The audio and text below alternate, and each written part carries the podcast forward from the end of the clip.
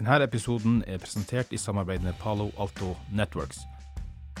Palo Alto Networks er et amerikansk multinasjonalt cybersikkerhetsselskap med hovedkvarter i Santa Clara, California, men også veldig til stede i norske markeder. Deres kjerneprodukter er en plattform som inkluderer avanserte brannmurer og skybaserte tilbud som utvider brannmurene til å dekke andre sikkerhetsaspekter. Sjekk ut paloaltonetworks.com.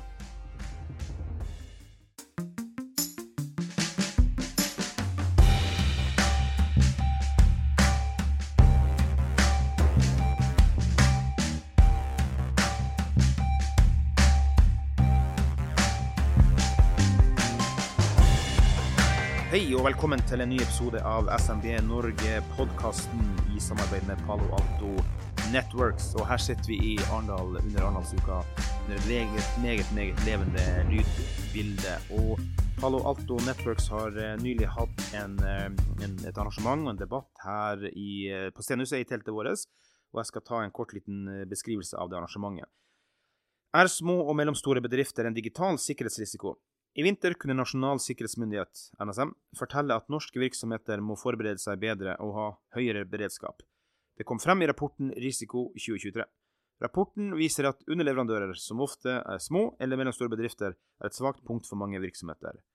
Hvordan kan næringslivet forberede seg bedre på cyberangrep, og hva kan myndighetene gjøre for å beskytte norske virksomheter bedre? Palo Alto Networks Norge og SMB Norge tar debatten. Og det var en veldig veldig tung paneldebatt. Det var Per-Willy Amundsen fra eh, Frp. Det var Mahmoud Farahmand fra Høyre. Det var Odd Harald Hovland fra Arbeiderpartiet. Lars Magne Hovetun, som er seniorrådgiver i Næringslivets sikkerhetsråd. Og så var det Maria Bartnes, forskningssjef på Sintef Digital. Og her i podkaststudio med både levende lydbilde og det som er, så er det ikke alltid bare jeg som blir kasta på nye ting, for det er også gjesten her. Gøran Tømte, hei på deg. God dag, god dag. Du er jo da en eh, eks-Palo Alto Networkers-ansatt, og blir spurt av eh, godeste Anders Lossius om å hoppe inn her.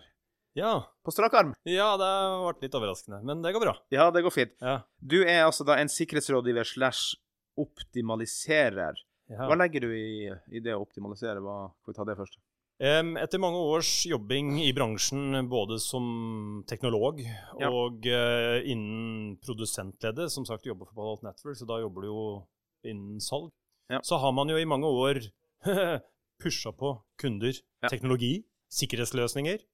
Og i mange år så har jeg jo sett at mange kunder kjøper veldig god sikkerhetsteknologi, men de evner ikke å forstå at det krever å få god sikkerhet.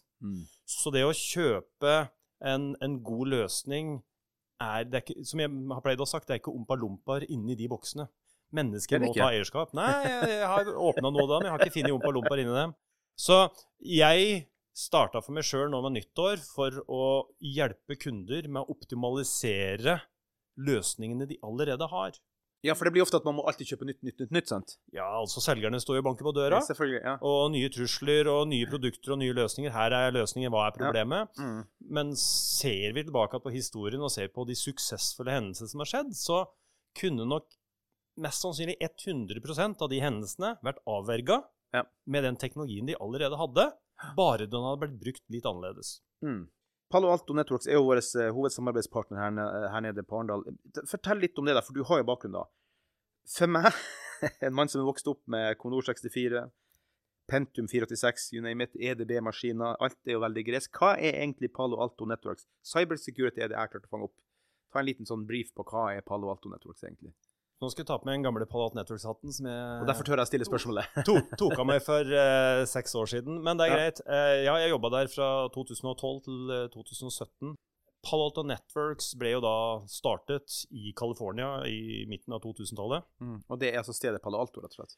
Ja, altså ironisk nok så kommer ikke Palo Alto Networks fra Palo Alto. Eh, Ah, okay. uh, ironisk nok, det kommer jo like fra uh, Palo Alto. Men når uh, firmaet skulle etableres og navn skulle gis, fordi at ju- juristene og slike ting ville ha et navn på firmaet, Mm. så var vel Nir Suk da, i Palo Alto, tror jeg det var, Mm. når han skulle registrere firmaet. Og da Cisco Systems kommer jo fra, fra San Francisco. Ja, Ikke sant? Så det er mange som bruker stedsnavn i navnene sine, og da valgte han på hæren å kalle det firmaet Palo Alto Networks. Ja. Så det er en navnebakgrunn. Men, men grunnen til firmaet er jo at verden går framover. Vi moderniserer alt vi driver med. Internett blir mer og mer eh, viktig for alt. Ja. Man digitaliserer for å effektivisere og muliggjøre. Og med det så øker òg trusselbildet. Ja. Og da må tiltak og løsninger òg moderniseres. Og det var jo det Nir Sukk i sin tid så, at vi må komme på banen med nye løsninger. For de gamle løsningene holder ikke tritt med det moderne trusselbildet. Nei. Så det var egentlig fødselen av Palo Alto Networks eh, Ja. midten av 2000-tallet. Og som driver et ganske bredt spekter av løsninger, da, eller? Ikke sant? Så det starta jo som et firma med ett eneste produkt, og det var en brannmur som de kalte Next Generation Firewall. Okay. Det var det det starta med. Eh, Så når jeg begynte der i 2012, så hadde vi ett produkt å forholde oss til. ja. så jeg hadde jo en enkel dag på jobben da, for 11 år siden, Ja. versus de som jobber der nå. fordi at Ja. firmaet har jo gått sky high, det går jo fantastisk, omsetter vanvittig. ja. Og på grunn av at når de får penger, så får du òg midler til å kjøpe opp, kjøpe opp, kjøpe opp. Ja. Så i dag så er Palo Alto Networks et enormt stort cybersikkerhetsfirma Ja. som har teknologier og løsninger for nærmest alt mulig innen, innen cybersecurity. Det går veldig fint det her, Gøran. Anders Lossius hadde ikke noe å bekymre seg for, for du kan jo alt på rams her. kan den gamle historien, i hvert fall. Ja. Det er mye nytt som jeg ikke har helt koll på, men ja, sånn er det. det får vi ta igjen senere, da. Men du, Mike Tyson eh, sa det så fint at alle har en god plan til de får seg en på tygga. Hva er det viktigste å tenke på, for da spesielt små bedrifter, for det er jo der vi har fokuset, Ja. for å lage seg en type Kall det en sikkerhetsplan, da. Hva, hva er det som er det aller viktigste man må tenke på? Som vi diskuterte nede i debatten, altså diskusjonen vedvarte jo lenge, og Mm. det er politikere der, og det er forskjellige poenger. Mitt, mitt ståsted er at det jeg opplever, er at ansvaret ligger hos ledelsen. Ja.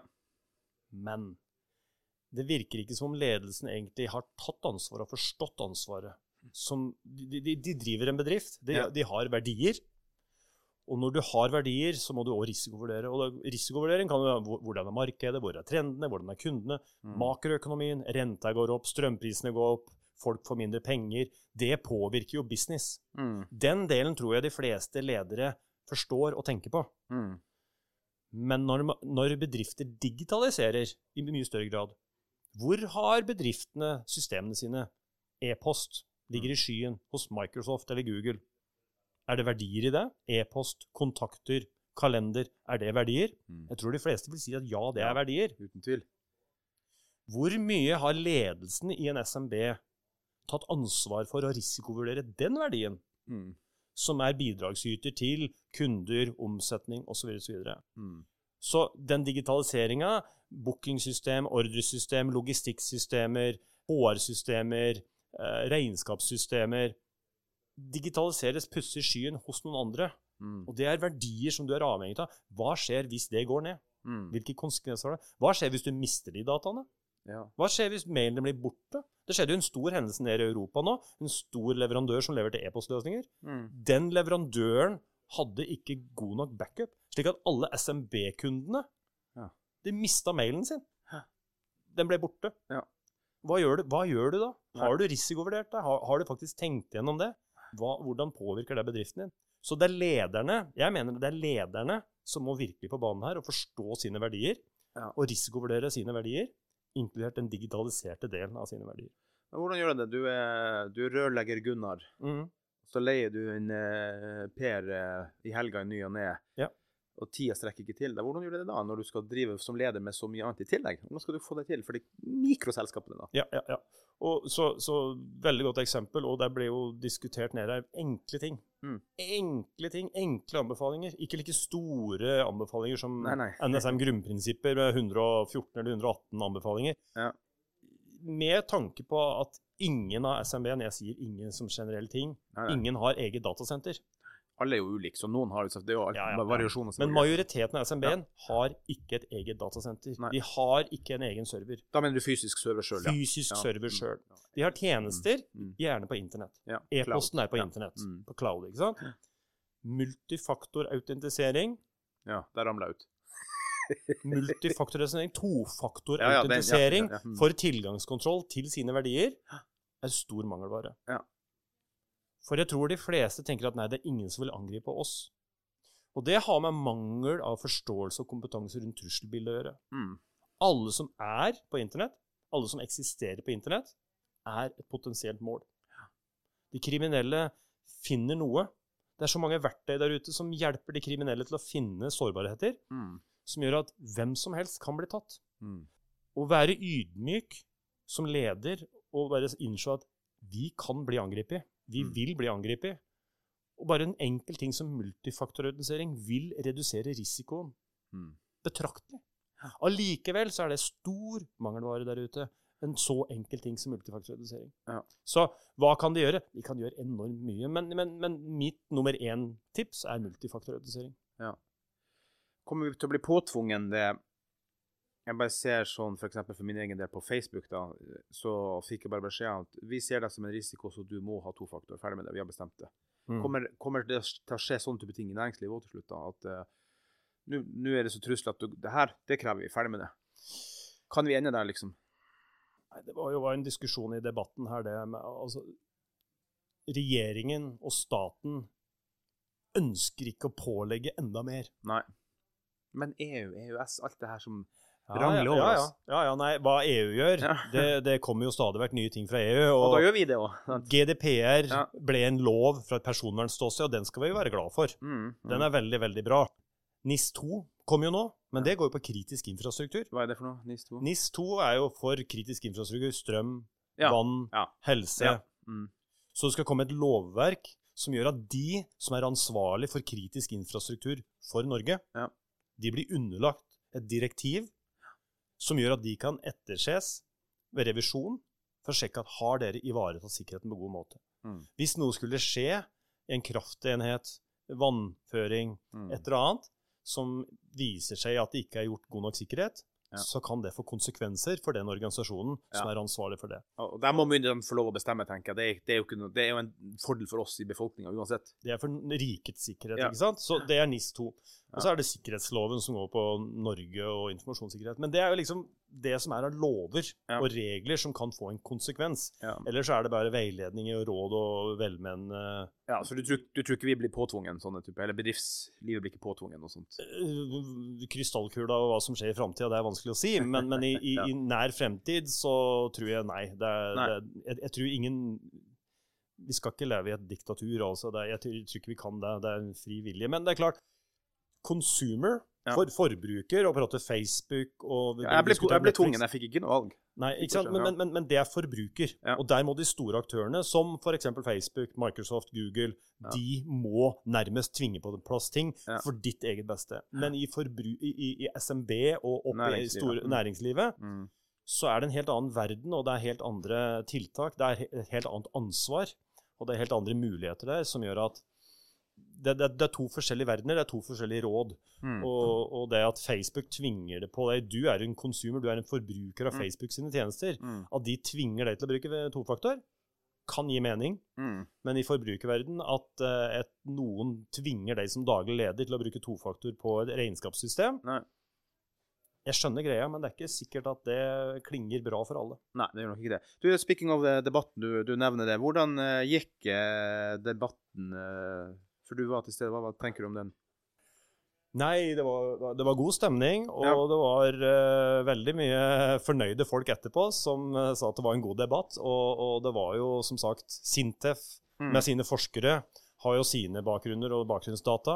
Mm. Eh, Næringslivets sikkerhetsråd eh, har jo sitt fokus. Så det kom veldig mange vinklinger her, og politikerne sitter jo på Stortinget og har sine ting. Så det var veldig blanda. Jeg syns, syns det var en veldig bra debatt. Også Viktig debatt, er ikke det? Absolutt viktig debatt.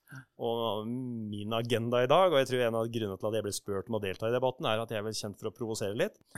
Og det tror jeg fikk litt. Da skjønner jeg hvorfor du ble sendt opp til meg.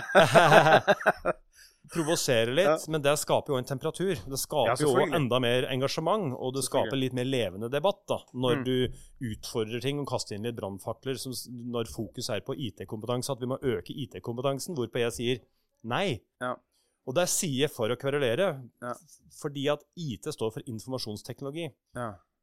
Det som egentlig er den store mangelen her, IT-teknologi, eh, IT-teknologer, har vi hatt i alle år. ja, det går fort. Det går fort, det går fort hele tida. Innovasjon hele tida. Ja, problemet i dag er at IT, informasjonsteknologi, har jo jobbet for å få informasjonsteknologiløsninger til å fungere, slik at forbrukerne Brukerne i en organisasjon Ja. kan bruke det. Brukerne har ikke kompetanse på det. Derfor har du eksperter som kan få ting til å fungere.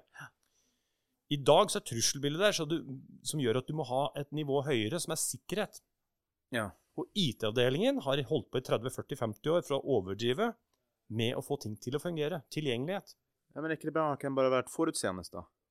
Jo, så, så mentaliteten, Ja. gener, den generelle mentaliteten i mange år har vært å få ting til å fungere for brukerne. Ja. Og så kommer trusselbildet. Og så kommer risikovurdering.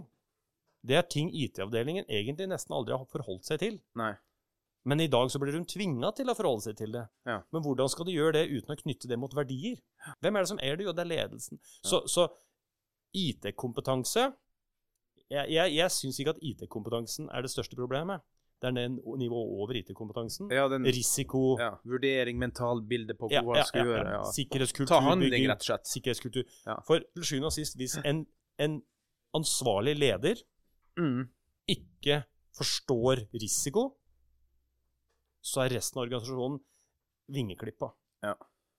Jeg har vært på mange IT-avdelinger og IT-ansvarlige som kan sikkerhet. Ja. Men de er frustrerte fordi at ledelsen forstår ikke, og ledelsen er ikke med på dette her. Nei. Og, og det er stor distanse i mange organisasjoner. I en SMB så er det kanskje ikke så stort, da. Nei. Men i en del organisasjoner så er det stor distanse mellom ledelse og de som faktisk teknisk sett kan utøve noe. Ja. Og Derfor så mangler f.eks. multifaktorautentisering. Ja. Fordi at ledelse ikke helt forstår risikoen. Nei, og, og hvordan skal de kunne det? For det, er jo ikke deres fag, sant? Automatisk. Si at du er direktør. Du er jo ikke IT-ekspert, sant? Så Nei. du kanskje tar for lett på det, da? Jeg starta innledningen nede her med Det, det heter jo det digitale hva, hva heter det? digitale sikkerhetsbildet, var det det? Ja. Sikkerhetsrisiko? Digital, digital eh, sikkerhetsrisiko, ja. Digital sikkerhetsrisiko. Og så utfordrer alle sammen hva, med, hva hvis vi streker over digital? Ja, så bare risiko. Mm. For hva er det vi egentlig prater om? Vi prater om verdier. Ja. Og så har vi valgt å digitalisere de verdiene. Ja. På skolen så er det digital eksamen. Ja, det ble jo trøbbel i år. Eh, Regnskap. Før så var det papir. Det var Ja. arkiv. Ja. Du har papir i permer, i ringpermer. Ja. Det var revisor som leste papir på papir. Ja. I dag så er alt digitalisert. Ja. Men hva er det egentlig vi har digitalisert? Jo, vi har digitalisert verdien. Mm. Men vi bruker ordet digitalt, og da fremmedliggjør vi det, mener jeg, for ledelse. Ja, for det er et større bilde enn bare det, altså. Mye større bilde. Altså, et jeg helhetsbilde her. Du er rektor på en du, du, Hvis vi ikke skal ha skolen, da. Hvis vi tar en daglig leder Ja. Det her er regnskapet vårt. Ja. Hva kan skje med regnskapet vårt? Mm. Er det tilgjengelig? Kan uvedkommende få tilgang på det? Ja. Hva hvis noen manipulerer dataene, så vi ikke kan stole på det som står der? Ja. Det betyr noe fra et verdiperspektiv for en daglig leder. Ja. Hva som kan påvirke det? Jo, digitale ting kan påvirke det. Det kan det. Ja. Men hvis vi fjerner digital i mye mer av diskusjonene våre, Ja. så tror jeg du får mye mer oppmerksomhet hos ledelsen. Ja. At de ikke bare skyver det fra seg, for det her kan de ikke. Jo, ledelse, det her kan dere. Ja. Dere kan risikovurdering av verdiene. Ja.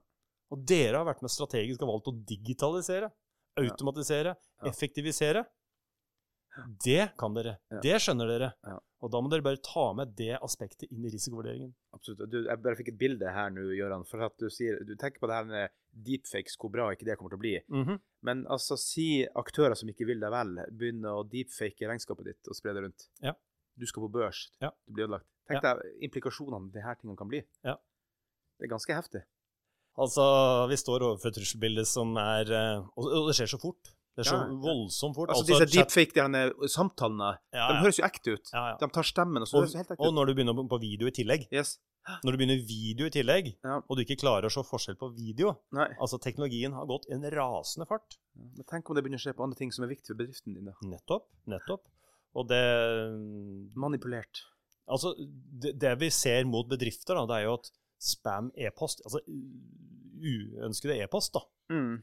de er nå robotifisert, mye mer eh, effektivisert, mye bedre, mye bedre skrevet, Mm. mye høyere effektivitet. Ja. Så det skjer fort. Det skjer fort. veldig fort. Du, ble det noen sånne politiske løfter under den debatten her som eh, Eller? Nei, Nei. Du, du lo godt. det ble ikke det. Altså, de, de, de sier jo noe, og de virker ganske enige om det, at eh, De ønsker ikke at stat og myndighet skal ta på seg enda mer ansvar. De ønsker ikke at enda mer råd og anbefalinger, og nærmest fra toppen og ned-anbefalinger skal komme fra stat Nei. og myndighet. Nei. Det er så mange råd og anbefalinger allerede, så de var egentlig ganske enige med at la oss ikke komme med enda mer. Nei. For det er nesten too much allerede. Og NSM har sine grunnprinsipper som er store og omfattende, som Ja. en SMB ikke har sjans til å forholde seg til. Så la oss ikke komme enda mer. Nei, men myndighetene må være klar over utviklinga og følge med på den, selvfølgelig, for det som skjer. Det er klart, fra Mm. Norges ståsted så Mm. er det jo SMB er jo Oljerigger, olje, you name it, sant? Og, og fra et SMB Fra et Norges ståsted så er SMB både en potensiell underleverandør til Norge, AS Norge, Ja. pluss at SMB-en er et frittstående selskap som kan bli ramma som et frittstående selskap. Ja. Så det er to aspekter med det. Så AS Norge må eie sine verdier når de bruker underleverandører i SMB-sektoren, og, og gjør riktige vurderinger og stiller riktige krav. Ja. Og ikke bare anta, eller bare struts og stikke huet i sanda. Nei. Så nei, det er eh, Nei, det var ingen lovnader Nei. fra politikerne. Det var ikke det. Du, denne rapporten eh, Risiko 2023 som ble referert til i debatten, jeg fikk jo ikke vært der for at jeg trodde jeg ventet på å ta en opptak, men, det, men eh, det var forgjeves. Hva går den ut på, den Risiko 23-rapporten? Kjenner du noe til den? Jeg må ærlig innrømme, jeg har ikke lest den. Nei. Det er så mange rapporter fra både det ene og det andre, så jeg har vel kanskje skumma gjennom den, men jeg, Ja. nei, jeg kan ikke detaljnivået på den. Nei. Nei. Men uh, det er vel ikke en god utvikling uansett. Det kan man vel trygt si. I, altså, den, den, har, den viser nok ikke noe glansbilde, for å si det sånn. da. Nei, trusselbildet er jo Det er jo mye likt. Altså, det, det er mye som går igjen Ja, ja. år etter år. Jo, men den blir mer og mer avansert. da. Mye av de samme truslene. Ja, og, og det er litt interessant, altså hvis du, hvis, du, hvis du går 10 år tilbake, 15 år tilbake på en eller annen sikkerhetsevent, Mm, så sier de akkurat det samme.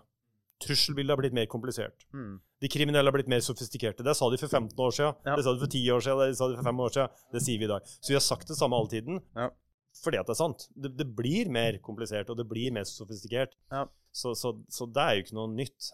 Og så, kommer krigen i Ukraina inn i dette her òg. Men um, Jeg skal spørre om det etterpå, hva du tenker om det. da. Men Ja. du, altså, Underleverandører har jo da blitt en risiko i store prosjekter. Da så tenker jeg på små, små leverandører. Altså, og dem, Hvordan skal de sikre seg egentlig for at de ikke ender opp med faktisk ikke få oppdrag fordi at de blir sett på for stor risiko? da? Fordi at, å ja, men her, toppen her, alle de ti firmaene som er med oss her, de har full koll på all eh, sikkerhet. Mm. Risiko, Mm. digitalt, Mm. fysisk, you name it. Alt. Mm. Tenk på alt. Og her kommer du med Roger Rør AS, og oi, du har jo ikke koll på noen ting. Kan de små til slutt ende opp med å ramle helt ut her fordi at det blir så strenge krav? da? Og hvordan skal du unngå det, liksom? bra poeng. Og dette ble faktisk diskutert for noen dager siden i, i tråd med den debatten vi skulle ha. Som noen sa nettopp det du sier, at hvis det blir for strenge krav, så kommer vi til å kvele, Ja. kvele leverandørene. Så det blir bare de store som overlever. Mm. Så, så det, er et, det, er et, det er et kjempestort dilemma. Men til debatten relatert til det du sier, om det var noen, noen lovnader Nei, det var det ikke. Men det var én ting som var tatt opp. Svanemerket blir jo brukt Ja. for produkter som er miljøvennlige. Ja. Det som ble diskutert nede her, kunne det vært en idé å finne på en eller annen sertifisering, merking, godkjenning, for å vise at vi har gjennomført følgende ting. Vi, vi tilfredsstiller de og de kravene Mm. innen sikkerhet, slik at den rørleggeren kan gå gjennom en liste på 5-10-15 punkter, Ja. minimumskrav, da. Mm. Skal du være en tilbyder til eh, offentlig sektor, kritisk infrastrukturkunde, Mm. så må du tilfredsstille de kravene her. Og det må være oppnåelige krav, og det må være minimumskrav. Så det var faktisk diskutert nede her. At, um, men, men, men det er et dilemma. ikke sant? Det, det handler jo om skal vi stille enda mer krav. Skal vi dytte enda mer ned? Ja. Eh, For noen må jo ramle ut da til slutt. Ja, altså, hvis, hvis du sitter som ansvarlig for kritisk infrastruktur, da, eksempel. Ja. Du kan jo ikke være struts og stikke huet i sanden og tenke at ja, nå skal vi være snill med han rørleggeren der. Nei. Du, du kan jo ikke det. Du må jo ta ansvar for Han som sikkerheten din. springer rundt med kvitteringene sine i, i brystlomma, liksom. Ja. Ja, ja, ja, ja, ja, ikke sant? Han har sikkert kontroll på datasystemet. Ja. Så, så, så, så som ansvarlig, du, du kan ikke neglisjere dette her. Du, du må ta ansvaret, og du må ta en del kontroller. Så det er jo et det er jo et dilemma, men, men du kan ikke bare være naiv og snill og, og nå må vi være solidariske, nå må alle få. Eh, ja, men eh, vi må ha stille noen krav. Ja, det. Du, altså, jeg må bare spørre som en gammel antikvitet som meg, da. Altså, hvordan er det egentlig å jobbe med digital sikkerhet? Altså, Sjøl jeg spammes og opplever hackeforsøk hele tida. Altså, og jeg syns det bare øker og øker. Og da bare stiller jeg meg spørsmålet er det egentlig gøy å jobbe med det her, eller blir man litt sliten av det? Det må jo være en enorm økning i den digitale sikkerhetsrisikoen nærmest daglig. Sånn, du kan se som en graf øker hvert år, hver dag nærmest. Er det bare gøy, eller blir det faktisk litt slitsomt at det er hele tida noe å være på jobb for? Så i min filosofi, da jeg, Nå kan jeg starte med meg sjøl, så jeg brenner for dette her, og jeg syns det er veldig gøy å jobbe med foretak som vil. Ja. Som vil forbedre. Jeg er en ambassadør for dette her, og jeg jobber med optimalisering for dem som vil forbedre, som vil optimalisere. Ja. Det å jobbe, prøve å komme inn til foretak der ledelse ikke er på G og egentlig følger med og vil, så er det egentlig bare frustrerende. En tidligere kollega av meg og kompis av meg, han eh, er en fantastisk flink sikkerhetsfyr, Mm. men han hoppa av hele sikkerhetssirkuset, for han ble sliten, han ble lei. Ja. Så det handler litt om målet. Eh, Jeg er veldig stor Simon Sinek-fan, og han prater om noe som heter The Infinite Game. Hvem er Simon Sinek? Simon Sinek er en amerikansk hva skal jeg kalle han, en filosof, eller en, en veldig smart fyr, en foredragsholder Å ja. osv. Han er ikke dataguru, det var ikke Nei, nei, nei, nei. Han driver med lederutvikling Ja. osv. osv. Mm. Men han har kommet med et begrep som heter infinite game og the finite game. The finite game er liksom vi skal på børs. Ja. Vi skal selges. Ikke sant? Vi skal ha en omsetning på 100 millioner kroner. Ja. Mens andre som er det infinite game, vi, vi, vi skal jobbe, vi skal stå på, vi skal Aldri noe mål, vi, vi har ikke et sluttmål, Nei, liksom. nei, vi skal bare gjøre det bra. Og jeg tror jeg er mer i den infinite game-greia at det her blir vi aldri ferdig med. Mm. Og det er viktig for meg å ha det i huet at det her blir vi aldri ferdig med. Nei. Vi må bygge stein for stein for stein. Hver bidige ting vi gjør, vil bedre situasjonen. Ja. Vi blir aldri ferdig, og jeg klapper meg på skuldra og er fornøyd med kunden når vi gjør forbedringer. Ja. For enhver forbedring vil redusere risiko, og vi blir aldri ferdig. For en ting er at det er så mange kunder der ute, og en annen ting er at det kommer stadig nye trusler. Det Ja. kommer stadig nye sårbarheter. Mm. Det er stadig nye ting som eksponeres, og så tenker du at å, nå driver vi med det. Men i morgen så kommer det en ny ting som jeg må lære meg, Ja. som kunden heller ikke kan. Nei. Og så kan jeg kanskje bli eksperten på det, og så kan jeg hjelpe kunden. Ja. med det. Så det, jeg kjeder meg ikke. Jeg Nei. blir ikke lei, og jeg gir ikke opp. Altså det Nei. Man blir aldri ferdig. Ferdig snakka. Nei. Du, men, og det var det du var inne på der. Det var derfor jeg skulle nevne det. Du sa det med krig og alt det der. Er det ulike metoder både for hvordan man blir angrepet, da tar vi digital sikkerhet, og hvordan man skal ha løsninger på det, versus f.eks. bare private hackere som skal bare få ut uh, penger av det, versus statlige aktører med onde hensikter, for de finnes jo. Om det er forskjell på det? Ja, altså Hvordan jobber dem, og hvordan skal man jobbe imot det, da? På de ulike måtene, da. Jeg- jeg- Ransomware versus noen som skal inn og stjele oppfinnelsene dine, da. Ja, Det er ikke det to vidt ja, forskjellige ting, egentlig? Ja. Um, jeg har brukt i lang tid i mine presentasjoner rapporten fra Enisa. Enisa er jo EU sitt cyberråd, nærmest. Og Mhm. de bruker virkelige data fra virkelige hendelser når de lager sine rapporter. Mm. Og de har lagd en topp eh, åtte threats. Og nummer én trussel, Mm. som de sier, Næringslivets sikkerhetsråd sier, Ja. NSM sier, nummer én trussel er krypteringsvirus. Mm. Det er den profittjagende delen av kriminaliteten som vil tjene penger, ikke sant? Mm. Det er som å skyte med hagle. Uh, og den delen som jeg diskuterte med Per-Willy Amundsen dere her, en oppfatning av krypteringsvirus er at noen får en mail som de klikker på. Ja, klikk her, og så er det Ja. Og det var det. Departementet var jo nede. 12 av 15 departementer var jo nede i sommer. I juli. Ja, ja. Men det, det men det hadde ingenting med det å gjøre. Nei, OK. Nei. Så, så det kommer på en måte litt For det er mer de statlige aktørene. Ja. Det, det, vi har ikke sett noe bevis på hvem som gjorde det ennå. Jeg har i hvert fall ikke lest noe om Nei, det. Men det er klart, den type aktivitet er ikke mest sannsynlig gjort av de enkle vinningskriminelle, for å si det sånn. Nei, da var vi på statlige uh... Da var vi inne på statlige ting. Så Ja. det, det er det andre delen av Men, men, men den pengedelen, den, Mm. den, den delen der du fikk en e-post Ja. som noen var uheldig å bli lurt til å klikke for å åpne vedlegget, som en uheldig ansatt i Norsk Hydro, som Ja. satt i Italia, Ja. Åpna en e-post, og det kosta Norsk Hydro 1 milliard kroner ca. Ja. I dag, hvis vi ser på Østre Toten kommunehendelsen Har han jobb? eh, Nei, men det er jo ikke hans skyld. Neida, neida, Nei. Man må ta høyde for at folk klikker. Ja. Det er det man må gjøre. Man Ja. må alltid ta høyde for at folk klikker. Ja. Man må alltid ta høyde for at man har nullagssårbarheter, slik som DSS hadde for departementene. Ja, ja. Du må ta høyde for at du Ja. mangler tofaktorredusering. Du Ja. må ta høyde for at uvedkommende kommer inn i systemet. ja. Så Østre Toten var vel nedstengt i lang tid, var det ikke det? den var nedstengt en tid, og så brukte de godt over et år på å få opp alle systemene. Ja. De brukte over et år på å få opp alle systemene. Så de fikk jo opp litt og litt og litt og litt. Men det, det tok dem i hvert fall et år, i hvert fall tre måneder, tror jeg, Ja. før de hadde oppe alle systemene. Så de hadde en prioritering. Altså elbilladerne på kommunehuset fungerte jo ikke på et år, hvis jeg har hørt riktig. ikke sant? Men, men det er jo viktigere ting som alarmsystemet for de eldre og Nav-systemet. Nav-systemet. mennesker som gjorde på dagpenger. Ja. De mist, hele Nav-systemet gikk jo ned. Ja. Så de menneskene måtte på Nav-kontoret i nabokommunen, Ja. og de hadde ikke data, så da måtte de registrere alt på nytt. Ja. Så, så det fikk jo enorme konsekvenser. Men poenget var at der var det nok ikke en e-post med et vedlegg som noen klikka på. Der var det kriminelle som faktisk klarte å komme seg gjennom en sårbarhet, enten en software-sårbarhet eller manglende tofaktor, Ja. og komme seg inn i datasystemene uten at mennesker i Østre Toten kommune mest sannsynlig var involvert i det hele tatt. Noen vil si at det kanskje var en phishing-e-post. Ja, kanskje noen ga fra seg et brukernavn og passord. Men det blir først et problem når du mangler tofaktorautentisering Ja. for løsning, Mm. som gjør at de kommer inn på VPN, f.eks.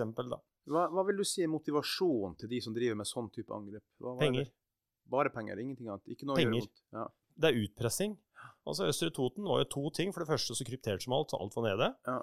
Og ledelsen i Østre Toten var jo helt overbevist om at det var det de var utsatt for. Ren kryptering, utpressing, for Ja. å betale penger for å få tilbake dataene. De nekta Ja. å betale, naturligvis. Eh, og så gikk litt tid, og så sier de kriminelle, når de skjønner at vi får ikke noe penger på den utpressingen her, Nei. og da kommer det den store stygge, men vi har dataene dine. Mm. Og da ble Østre Toten kommune litt overraska, fordi at der var de ikke klar over. Og da ble hele Østre Toten kommunehendelsen ekstremt mye mer alvorlig. alvorlig. Det resulterte jo i boten fra Datatilsynet på 4 millioner kroner, Ja. fordi at data hadde kommet på avveie, fordi at de kriminelle hadde vært inne i datasystemene, funnet data og lastet opp data til servere på internett. Så Østre Toten hadde faktisk ikke gode nok internsystemer, egentlig? Men hva, hva er godt nok? Ja, hvis du får en bot, så må jo det være tolkninga, eller? Det, ja, fra bot, botstadiet så er jo ikke det Mm. tvil om. De fikk, jeg tror vel ikke det er noen som har fått høyere bot enda. Stortinget fikk jo en bot på to millioner kroner Ja. for sin hendelse. Så det er ingen tvil om at de hadde store mangler. Mm. Eh, så, så det er jo ikke noe tvil om. Datatilsynet har gitt tidenes største norske bot på personvern. Ja. Og, og, og tenk for en konsekvens det er for En av grunnene som Datatilsynet eh, beskrev, er jo at sensitiv informasjon, spesielt om barn, Mm. i vanskelige situasjoner, kom på AV. Tenk om et barn faktisk må flytte, Ja, skal være beskytta mot noen. skal være beskytta mot noen, noe eller noen. Ja. Og så har den dataen som er hemmelig og sensitiv, kommet på avveie Mm. fordi at noen i ledelsen i kommunen ikke har forstått trusselbildet, tatt ansvaret for risiko på en god nok måte Mm. og gjort en god nok sikkerhetsjobb, Mm. som gjør at den sensitive informasjonen om barn i en kritisk situasjon kommer på avveie. Og Mm. kanskje det er barnet må flytte. Kanskje til en annen kommune. Kanskje til en annen del av Norge. Mm. Eh, Gøran, altså, bortsett fra selvfølgelig å kontakte Palo Alto Networks for å bestille programvare og løsninger og det som er da, hvordan skal man sikre seg bedre sånn generelt på cyberangrep? da? Ta det helt spesifikt. Hvordan skal man gjøre seg tryggere? Herregud. eh, Et, et vanskelig spørsmål. Eh, Men jeg vil nok gå til ledelse. Mm. Ledelse, ansvar, forståelse av hvilke verdier har vi. Mm. Forståelse av hvilke risikoer er det vi står overfor med de verdiene. Mm. Eh, I disse dager så er det flom som er en stor trussel, ikke sant? Ja, det kan gå innover dataserverne, det òg. Da, ikke sant? Ja. Og, og så tenker man vi må ha beredskap mot flom. Mm. Ja, det er greit. Det er en trussel. Det må man tenke på. Ja. Hvor stor sannsynlighet er det for det? Hvilke konsekvens får det? Hvilke tiltak? Kost-nytte. Ja. Så er det brann, og så er det storm, og så er det ditt og datt. Men så er det òg det digitale aspektet at du som daglig leder må ta et bevisst forhold til at du har bidratt til å digitalisere bedriften din. Ja. På mangt og mye, og da må du som daglig leder virkelig forstå at det her er mitt ansvar. Ja. Jeg styrer skuta. Vi har valgt å digitalisere. Vi må ta med oss det i risikovurderingen for verdiene og hele bedriften. Det her kan få store økonomiske konsekvenser. Ja.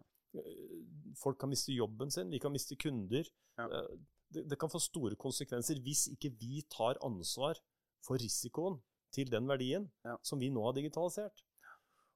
Og det er ikke det har sagt at daglig leder skal ha kompetansen som kreves, men han har ansvaret. Gøran Tømte, når vil du si at man skal kontakte politiet, egentlig? Og, og, og, og, og hvem i politiet er det man kontakter for sånne ting, egentlig, da? Ja.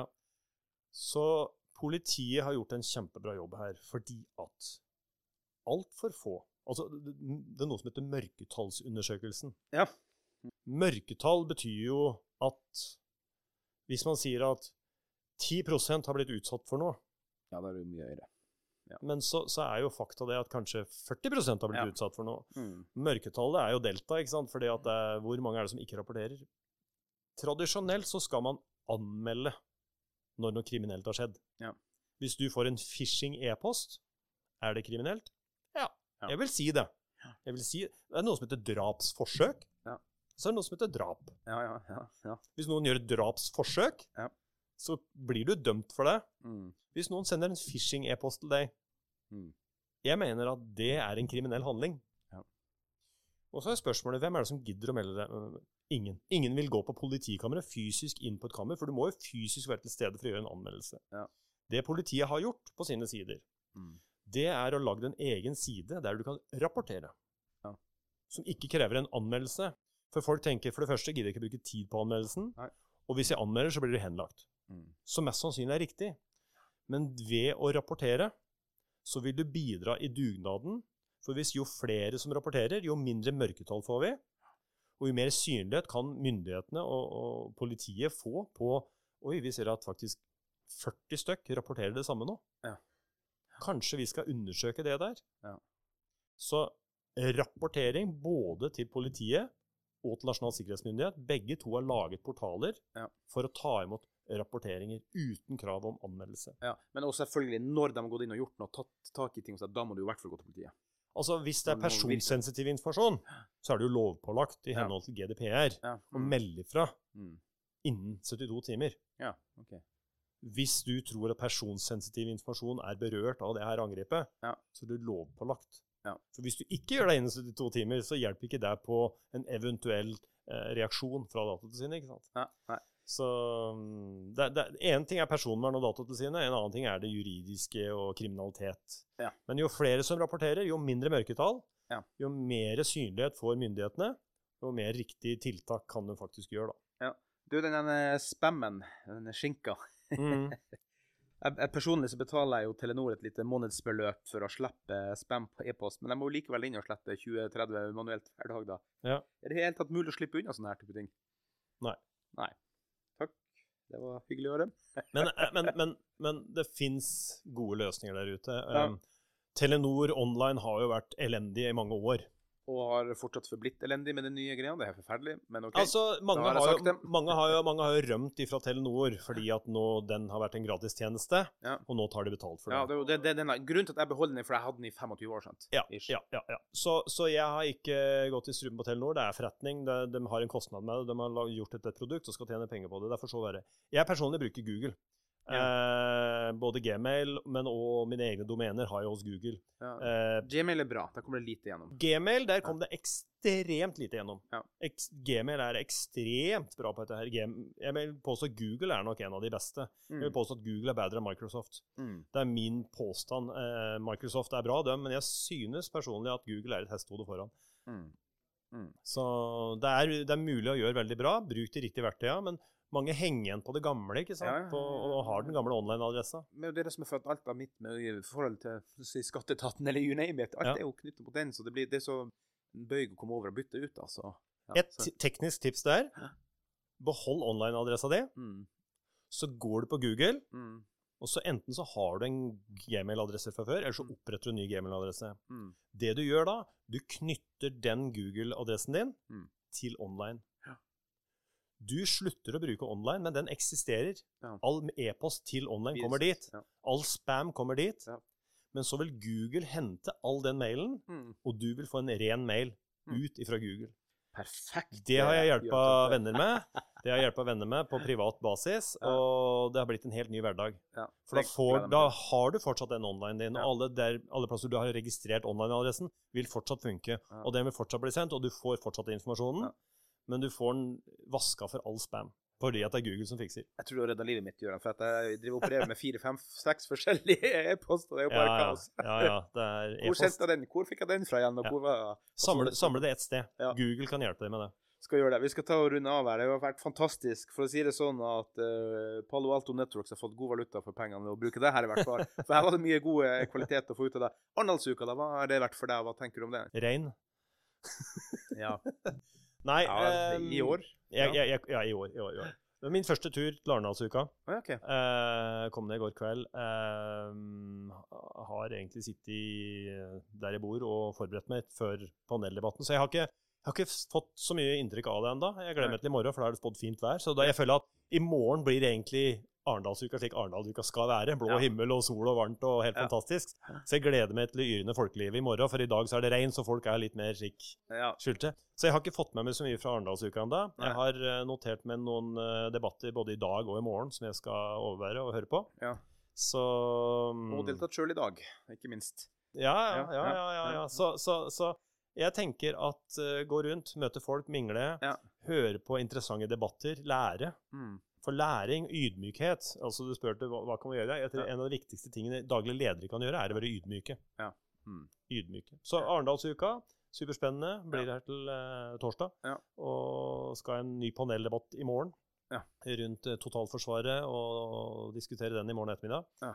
med flere politikere. Så Spennende. Ja. Superspennende. Da skulle jeg avslutte her med å takke Palo Alto for å være samarbeidspartner, men da får du hilse dem på vegne av meg, da. At vi takker ja, dem så, så, veldig mye. Men, men du, Gøran, gjorde en fantastisk jobb her, da. Men det skal vi ta, altså. Eh, folk selvfølgelig må finne Palo Alto Networks der oppe. Eh, der ute på, på weben, på internettet og i det hele tatt. da. Men hvor, hvis man vil komme i kontakt med deg, hvor finner man Gøran Tømte? Gorantomte.no. Gorantomte.no. Ja. Der hørte dere keep det. It, keep it simple. Yes, ja, det første du møter der, er menneske. Ja. Det jeg skriver der, handler om mennesket. Ja. Altså, skal vi få til god sikkerhet, så må vi starte med mennesket. Ja. Menneske, kompetanse, bevissthet og ydmykhet, som jeg sa. Vi må starte med mennesket. Menneskets holdninger.